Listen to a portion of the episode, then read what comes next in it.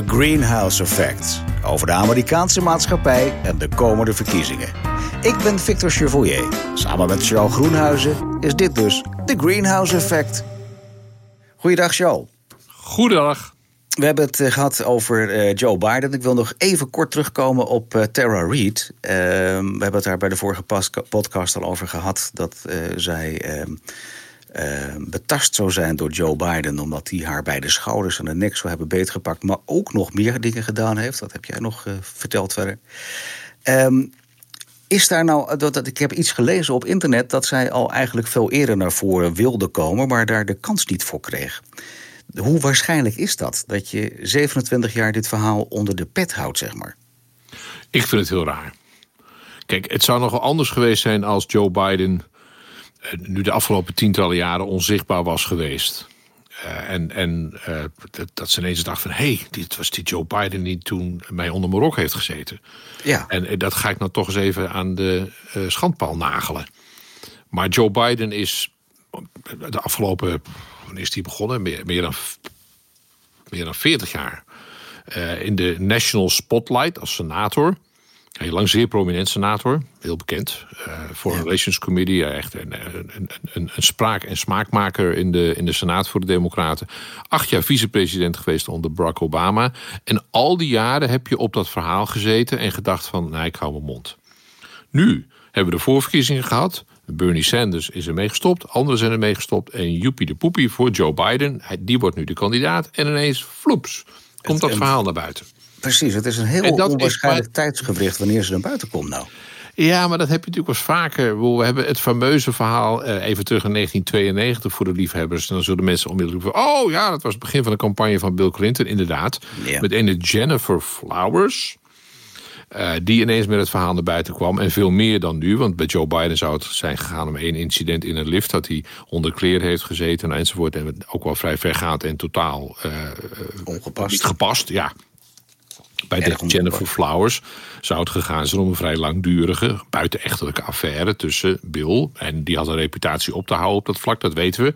En deze Jennifer Flowers. En die kwam daar ineens mee toen bij de voorverkiezingen in New Hampshire. in het hele vroege voorjaar, eigenlijk de winter van 1992. Uh, en tien maanden later werd uh, Clinton uiteindelijk gekozen. En daarvan zeiden we ook van ja, maar waarom, hallo schat, waarom kom je nou ineens nu met dat verhaal? Ja. En dat met deze met Tara Reid ook. Als ik het zou moeten inschatten, is dit typisch zo'n geval waarbij de tegenstanders van Joe Biden zeggen van zie je wel, goed dat ik niet op hem stem, maar dat is een viezerik.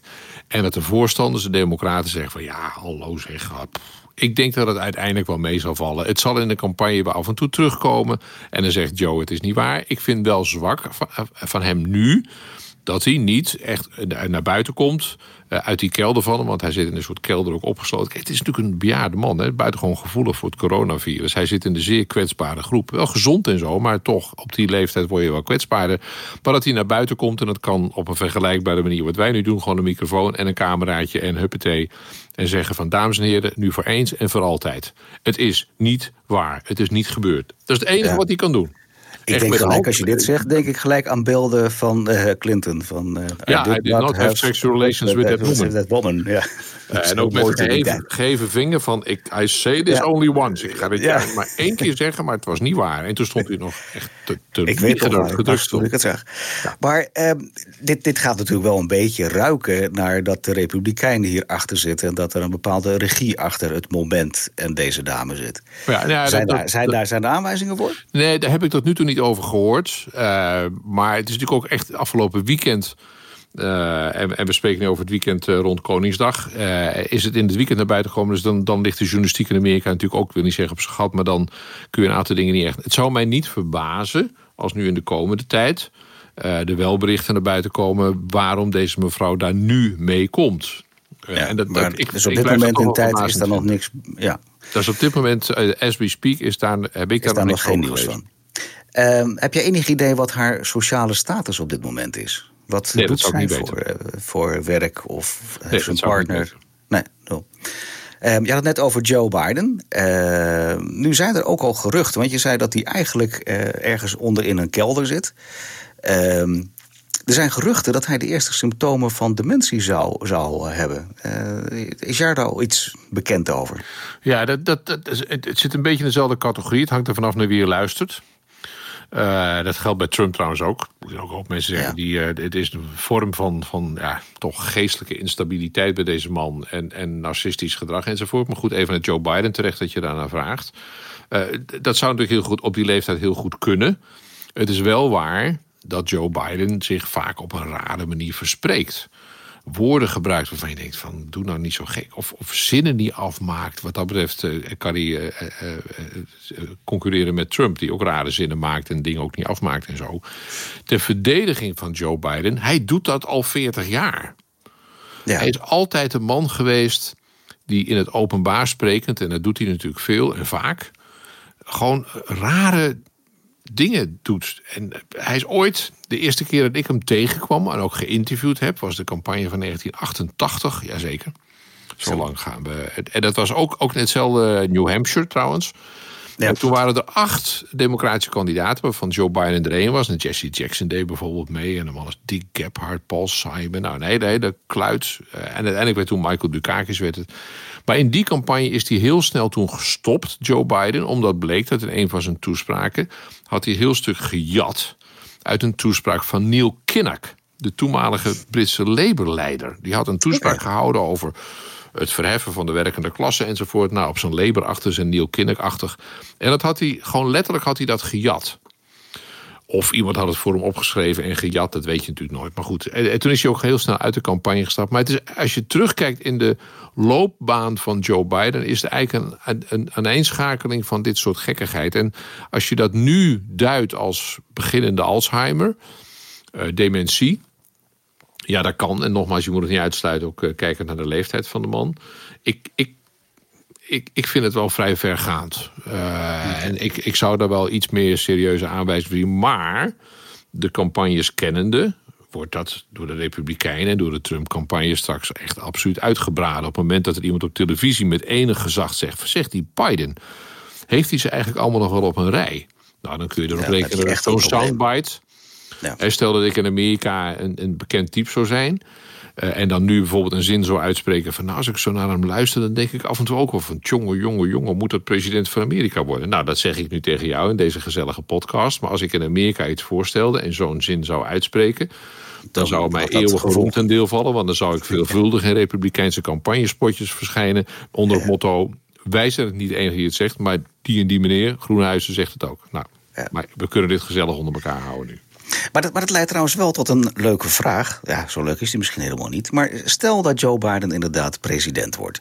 Stel dat we in een situatie komen dat hij inderdaad de startende dementie heeft. Maar dat komt pas echt tot uiting een jaar, twee jaar nadat hij aangesteld is. Wat gebeurt er dan eigenlijk? Nou, er zit een uh, amendement in de Amerikaanse grondwet, dus een, een regeling in de Amerikaanse grondwet, dat dan het congres, maar dat moet met zeer ruime meerderheid, die kunnen een president afzetten.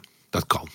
Dat is, dat, dat is, zeer... een soort impeachment. Dat, dat... Ja, maar dan echt. Eh, eh, eh, dat is, dat is een afzettingsprocedure met een, een, lange procedure. Maar op het moment dat het congres in ruime meerderheid tot de conclusie zou komen dat de president niet meer naar behoren zijn of haar functie kan uitoefenen, dan is er een procedure waarin de president kan worden afgezet. En dan wordt de vicepresident president als die ook, stel dat hij ook matteklap is.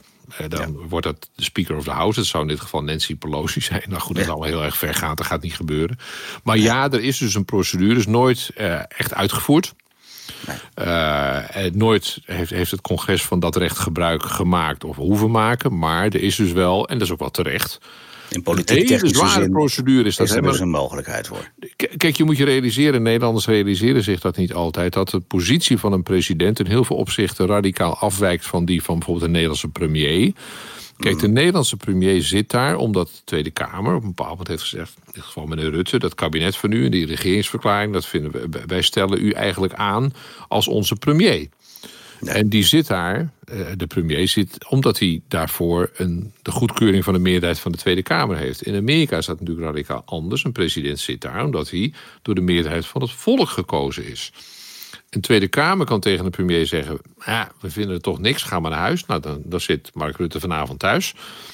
Uh, een president wordt door het volk gekozen. En Wat je dan in feite doet, is het nietig verklaren van de wilsuiting van het volk. En dat is de zwaarst denkbare maatregel die je in een democratie kunt nemen.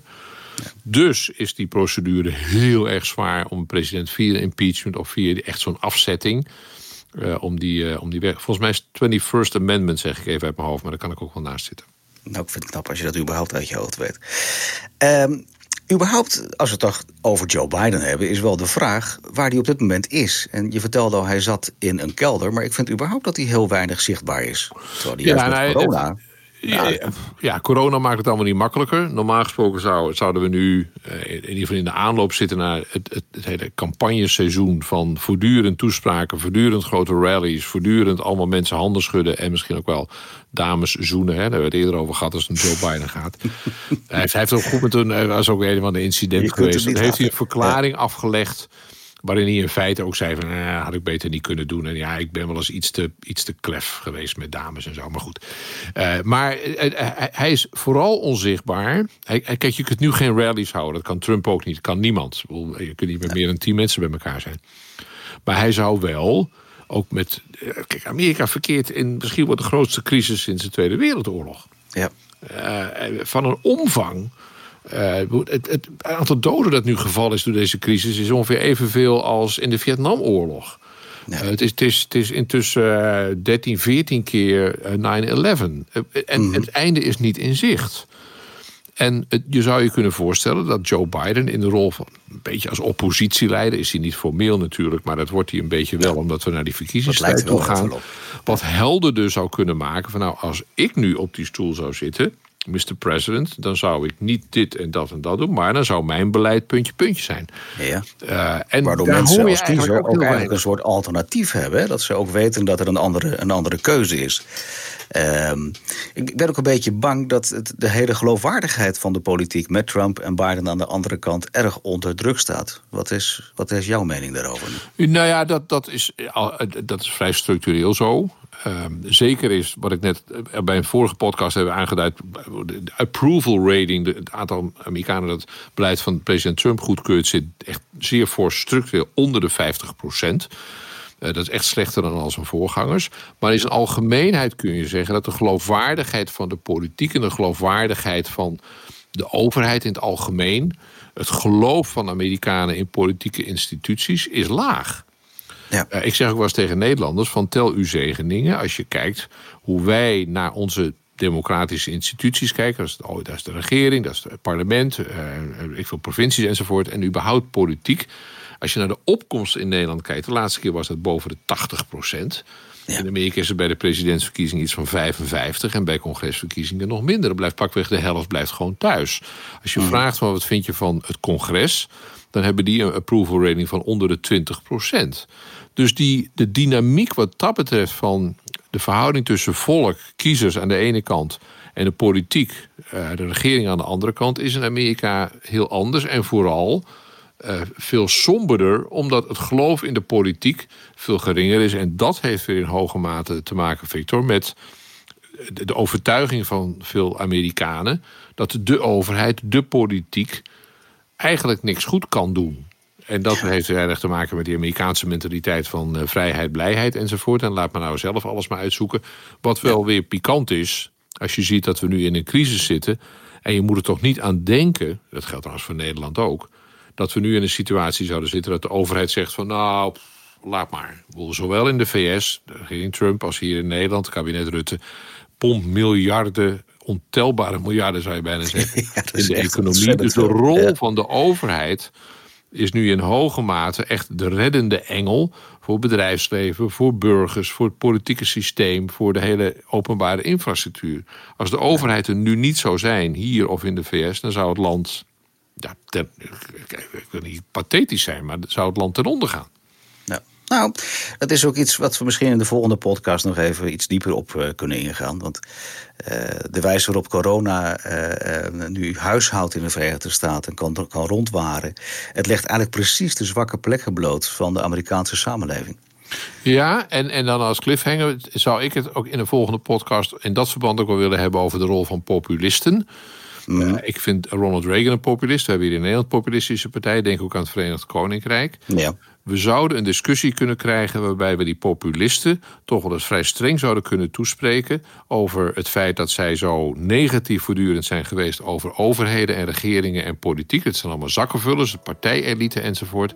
Nou, dames en heren populisten, Volgens mij vind je er wat van. je zou nog een poepie moeten ruiken op het moment dat die politici en die overheden er niet zouden zijn. Ik waarschuw, moet ik maar zeggen, voor de laatste maal. Met een waarschuwend vingertje. Goed uit. Tot straks de volgende keer.